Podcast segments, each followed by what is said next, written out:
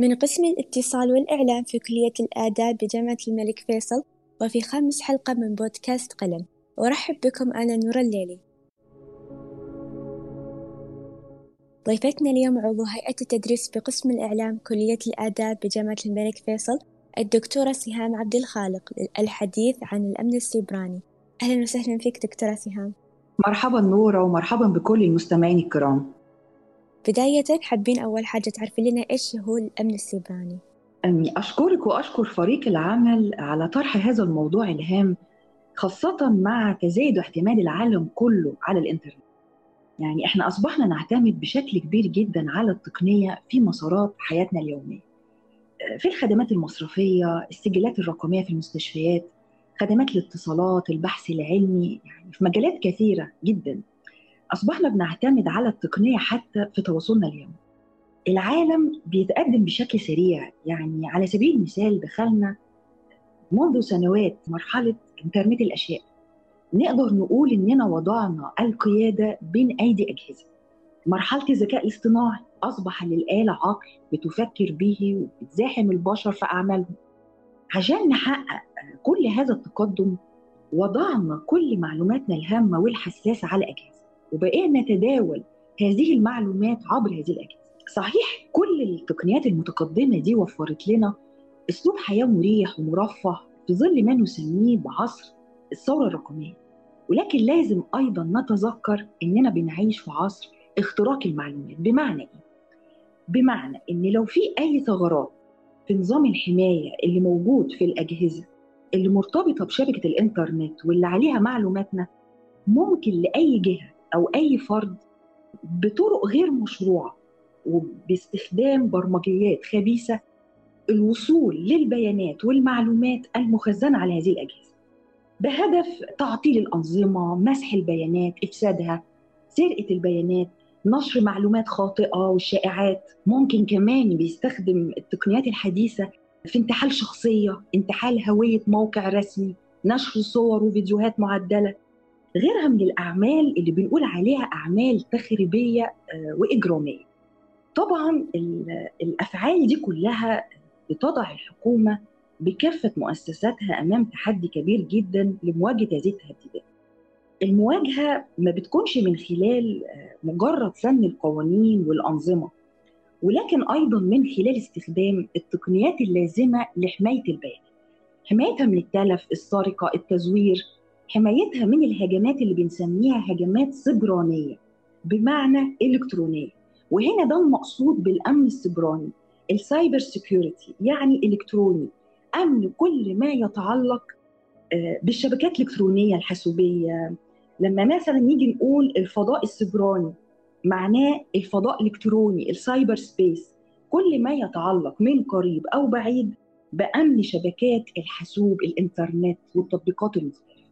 وطبعا الأمن السبراني أصبح مصطلح بنردده كتير دلوقتي لأن من أهميته في عصرنا الحالي. نعم صحيح.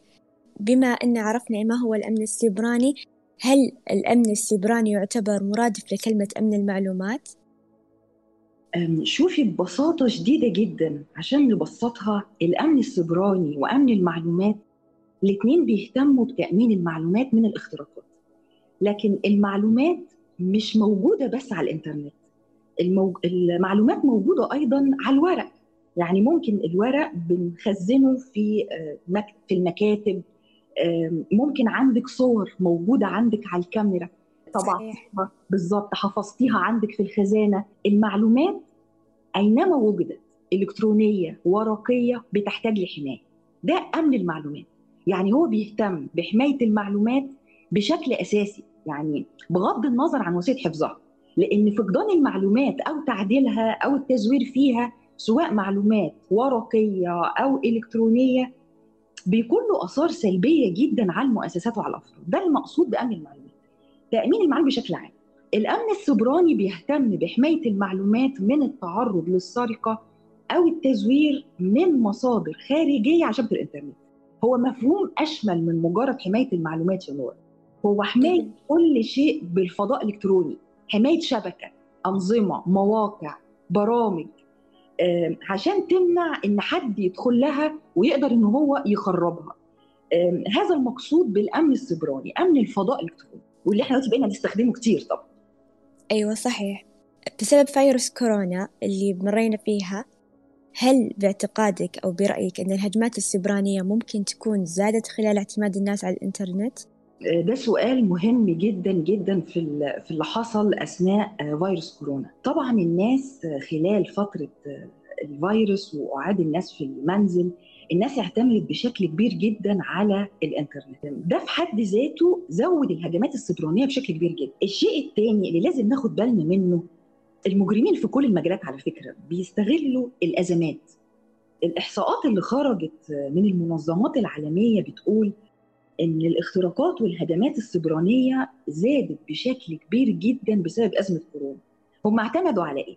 هم اعتمدوا على عدم وعي الناس الهلع الخوف عدم استعداد الناس لتأمين بياناتهم وأجهزتهم. هي الناس فجأة لقت نفسها مطلوب منها إنها تستخدم الإنترنت من البيت. طبعا صحيح. آه الناس البعض يعني استغلوا الظروف دي لنشر الشائعات والأخبار المغلوطة. شوفي الشائعة بتعتمد على إيه يا نورة؟ هي بتعتمد بشكل أساسي على العوامل النفسية. العوامل النفسية دي هي اللي بتساهم في تعزيز نشرها للأسف. صحيح. هل الآن يجي دور الإعلام؟ ما هو دور الإعلام في التوعية المجتمعية بالأمن السيبراني؟ دور الإعلام طبعا مهم جدا هو نشر الوعي على المستوى الوطني حول مخاطر الفضاء السيبراني. شوفي هقول لك حاجة. ممكن المؤسسات توفر برامج إلكترونية لحماية بيانات المنشأة. يعني ممكن تقوم بتفعيل إجراءات أمنية. يعني إيه؟ ممكن تسمح لموظف إنه يدخل على بيانات معينة وما يقدرش يدخل على البيانات الثانية دايما الحلقة الأضعف في أي منظومة هو العنصر البشري. مم... آه يعني ممكن المنشآت على فكرة تصرف الملايين وتوفر برامج إلكترونية بتقوم بالحماية. توفر كل الاجراءات الممكنة لكن لو ما فيش وعي لدى العنصر البشري بمتطلبات الأمن السيبراني كل الجهود دي هتروح هباء لازم نفهم شيء مهم التكنولوجيا سلاح ذو حدين يا نور. لازم تعرفي إزاي تستخدميها. لو ما عرفناش إزاي نستخدمها التكنولوجيا اللي هتستخدمنا. دور الإعلام هنا دور أساسي جدا. يعني من خلال إيه؟ من خلال حملات توعوية وتثقيفية لازم يقدمها للمجتمع بحيث تصبح ثقافة الأمن السيبراني جزء من ثقافتنا العامة. يعني هقول لك حاجة خلال أزمة كورونا إحنا شفنا الإعلام نجح إنه ينشر أفكار جديدة ومفاهيم جديدة نشر نشر فكرة التباعد الاجتماعي والتعقيم وما إلى ذلك مش كده؟ يعني نجح نجح إنه يجعل هذه الأشياء جزء من عاداتنا لازم يقوم بدور موازي للتوعية بمتطلبات الأمن السيبراني. إحنا كل حياتنا بتتجه الآن للتعامل مع الإنترنت. لازم إطلاق حملات مكثفة للتوعية بكيفية مراجعة نقولها إزاي؟ نقول مراجعة عاداتنا خلال تصفح الإنترنت. يعني لازم نتأكد مثلا إن إحنا بنستخدم كلمات مرور قوية ومعقدة نتأكد دايما إن إحنا نستخدم أنظمة حماية على أجهزتنا التطبيقات اللي طول الوقت قاعدين بننزلها على الأجهزة لازم نتأكد منها ومن سلامتها ما نديش كده أي بيانات شخصية لأي موقع بيطلبها. الروابط المجهولة اللي بيتم إرسالها عبر البريد الإلكتروني ما نستخدمهاش ابدا. عدم الدخول على مواقع مشبوهه ودايما ده اللي إحنا بننادي بيه ودايما اكرره في كلامي. يعني نحاول على قد ما نقدر نبحث في مصادر موثوقة على الإنترنت لأن الشائعات أصبحت أسرع مع وجود التقنيات الحديثة. ده دور الإعلام اللي لازم نهتم بيه. بالقيام بحملات توعية في وسائل الاعلام وعلى مواقع التواصل الاجتماعي خاصة للوصول لكم أنتم يا شباب. أي مكان بيتواجد فيه الشباب والأطفال لأنهم هم الفئة اللي لازم تحتاج المستهدفة تكون. هي الفئة المستهدفة اللي لازم الإعلام يهتم بيها جدا في الفترة الحالية. فعلا لأن بذلك تكون المعلومات الشخصية التي تنشر. بالضبط. تمام. طيب الحين نتكلم على بشكل خاص أن هل هناك دور أكاديمي في التوعية بالأمن السيبراني أيضا؟ من وجهة نظري في عصرنا الحالي ساحة الدراسة الأكاديمية لا يمكن إنها تكون بعيدة عن الاهتمام بالأمن السيبراني. المناهج الدراسية يجب إنها تتضمن تنمية مهارات عديدة. لازم أنمي مهارة حماية بياناتي. إزاي أحمي بياناتي؟ إزاي أنمي مهارة تحليل البيانات؟ كيف أحلل المعلومة وكيف أقيمها قبل ما أرسلها لأشخاص آخرين؟ تنمية مهارات البحث والتقصي. لازم معرفة القوانين والجرائم المعلوماتية. لازم المناهج تهتم بهذا الموضوع. لما طالما إحنا بنتحدث يعني في مجال الإعلام في الحقيقة القضايا دي بعيدة عن مقررات أقسام الإعلام والصحافة في المنطقة العربية كلها. الإعلام المعاصر بيعتمد بشكل كبير على الشبكات الإلكترونية دلوقتي. الإعلامي زي موقعه في أي مكان في الإذاعة في التلفزيون في الصحافة في مواقع إلكترونية هو بيتعامل بشكل كبير بيستخدم شبكة المعلومات بيعتمد عليها في شغله دلوقتي بيعتمد على التطبيقات التكنولوجيا الحديثة. ده بقى واقع مش كده؟ عشان كده من الأهمية بالنسبة للإعلامي إنه يتبنى مفهوم الأمن السيبراني يعني إيه؟ يعني أقصد في يوميات عمله على وجه التحديد يعني من ناحية حماية بياناته والتدقيق فيما يستقبله من معلومات، لازم يتعلم كيف يدقق في كل ما يستقبله من معلومات. لما نهتم بالمقررات دي وندرب الإعلاميين على التعامل مع الفضاء الفسيح وكيف يتعاملوا معاه ده بيعفينا من مشكلات كثيرة جدا وفواتير باهظة ممكن يدفعها الصحفيين الإعلاميين بشكل عام لاحقا من أمنهم واستقرارهم المهني. ممكن نستعين يعني في البرامج دي على سبيل المثال بالاتحاد السعودي للأمن السيبراني والبرمجة. ليه ما يقدمش برامج أو برامج تدريبية للصحفيين والشباب منهم للطلبة كمان والطالبات ممكن نستفيد منه.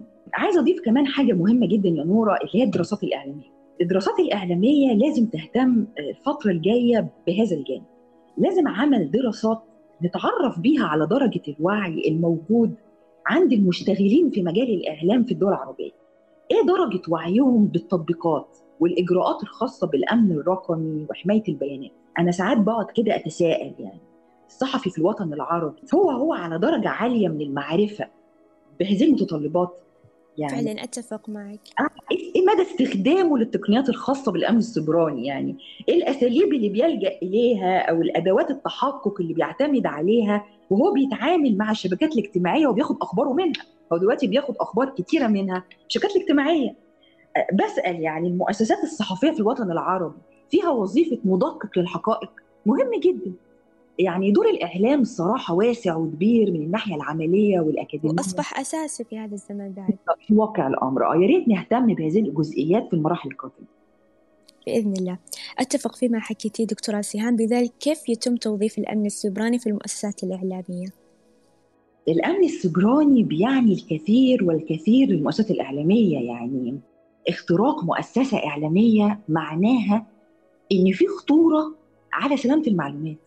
سلامة المعلومات بالنسبة لأي مؤسسة إعلامية زي ما إحنا عارفين يا نورة تعني ثلاث عناصر مهمة. يعني دقة المعلومة إن المعلومة تكون غير خادعة أو مضللة ومصدر المعلومة يجب أن يكون موثوق فيه. أي تغيير في عنصر واحد من تلك العناصر ده بيؤثر على سلامة المعلومات المقدمة. طبعا كل المؤسسات الإعلامية ومؤسسات البث هي صناعات على درجة عالية جدا من التقدم الرقمي الآن. ده خلاها هدف رئيسي للتهديدات والهجمات السيبرانيه.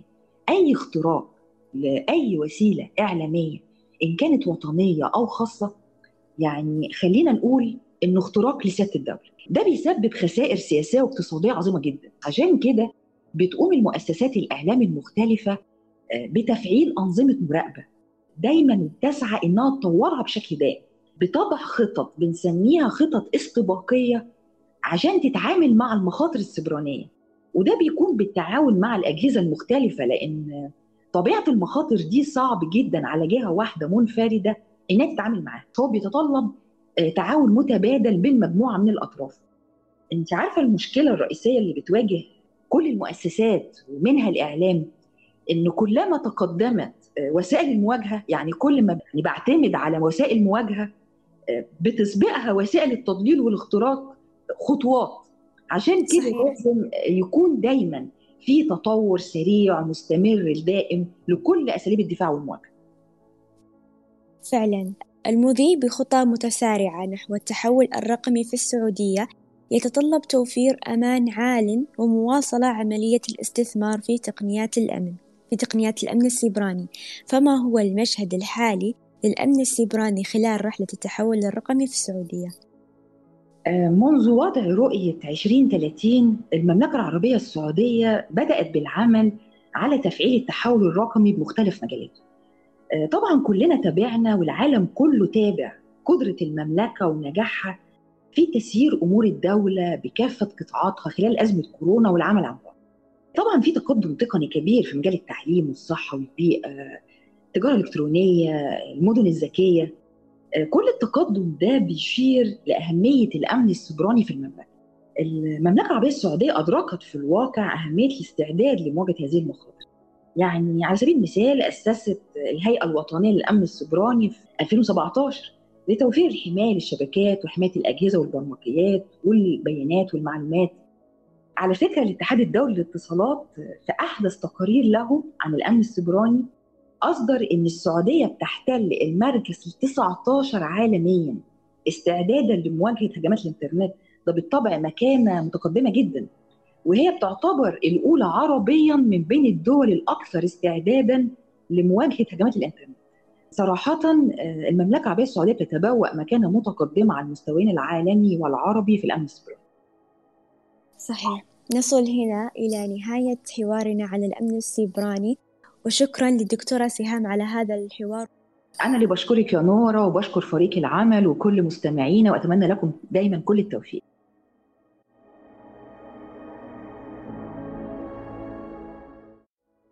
كنت معكم أنا نورة الليلي من الإعداد والتقديم والزميلة بزنة الدوسري من المكساج في أمان الله.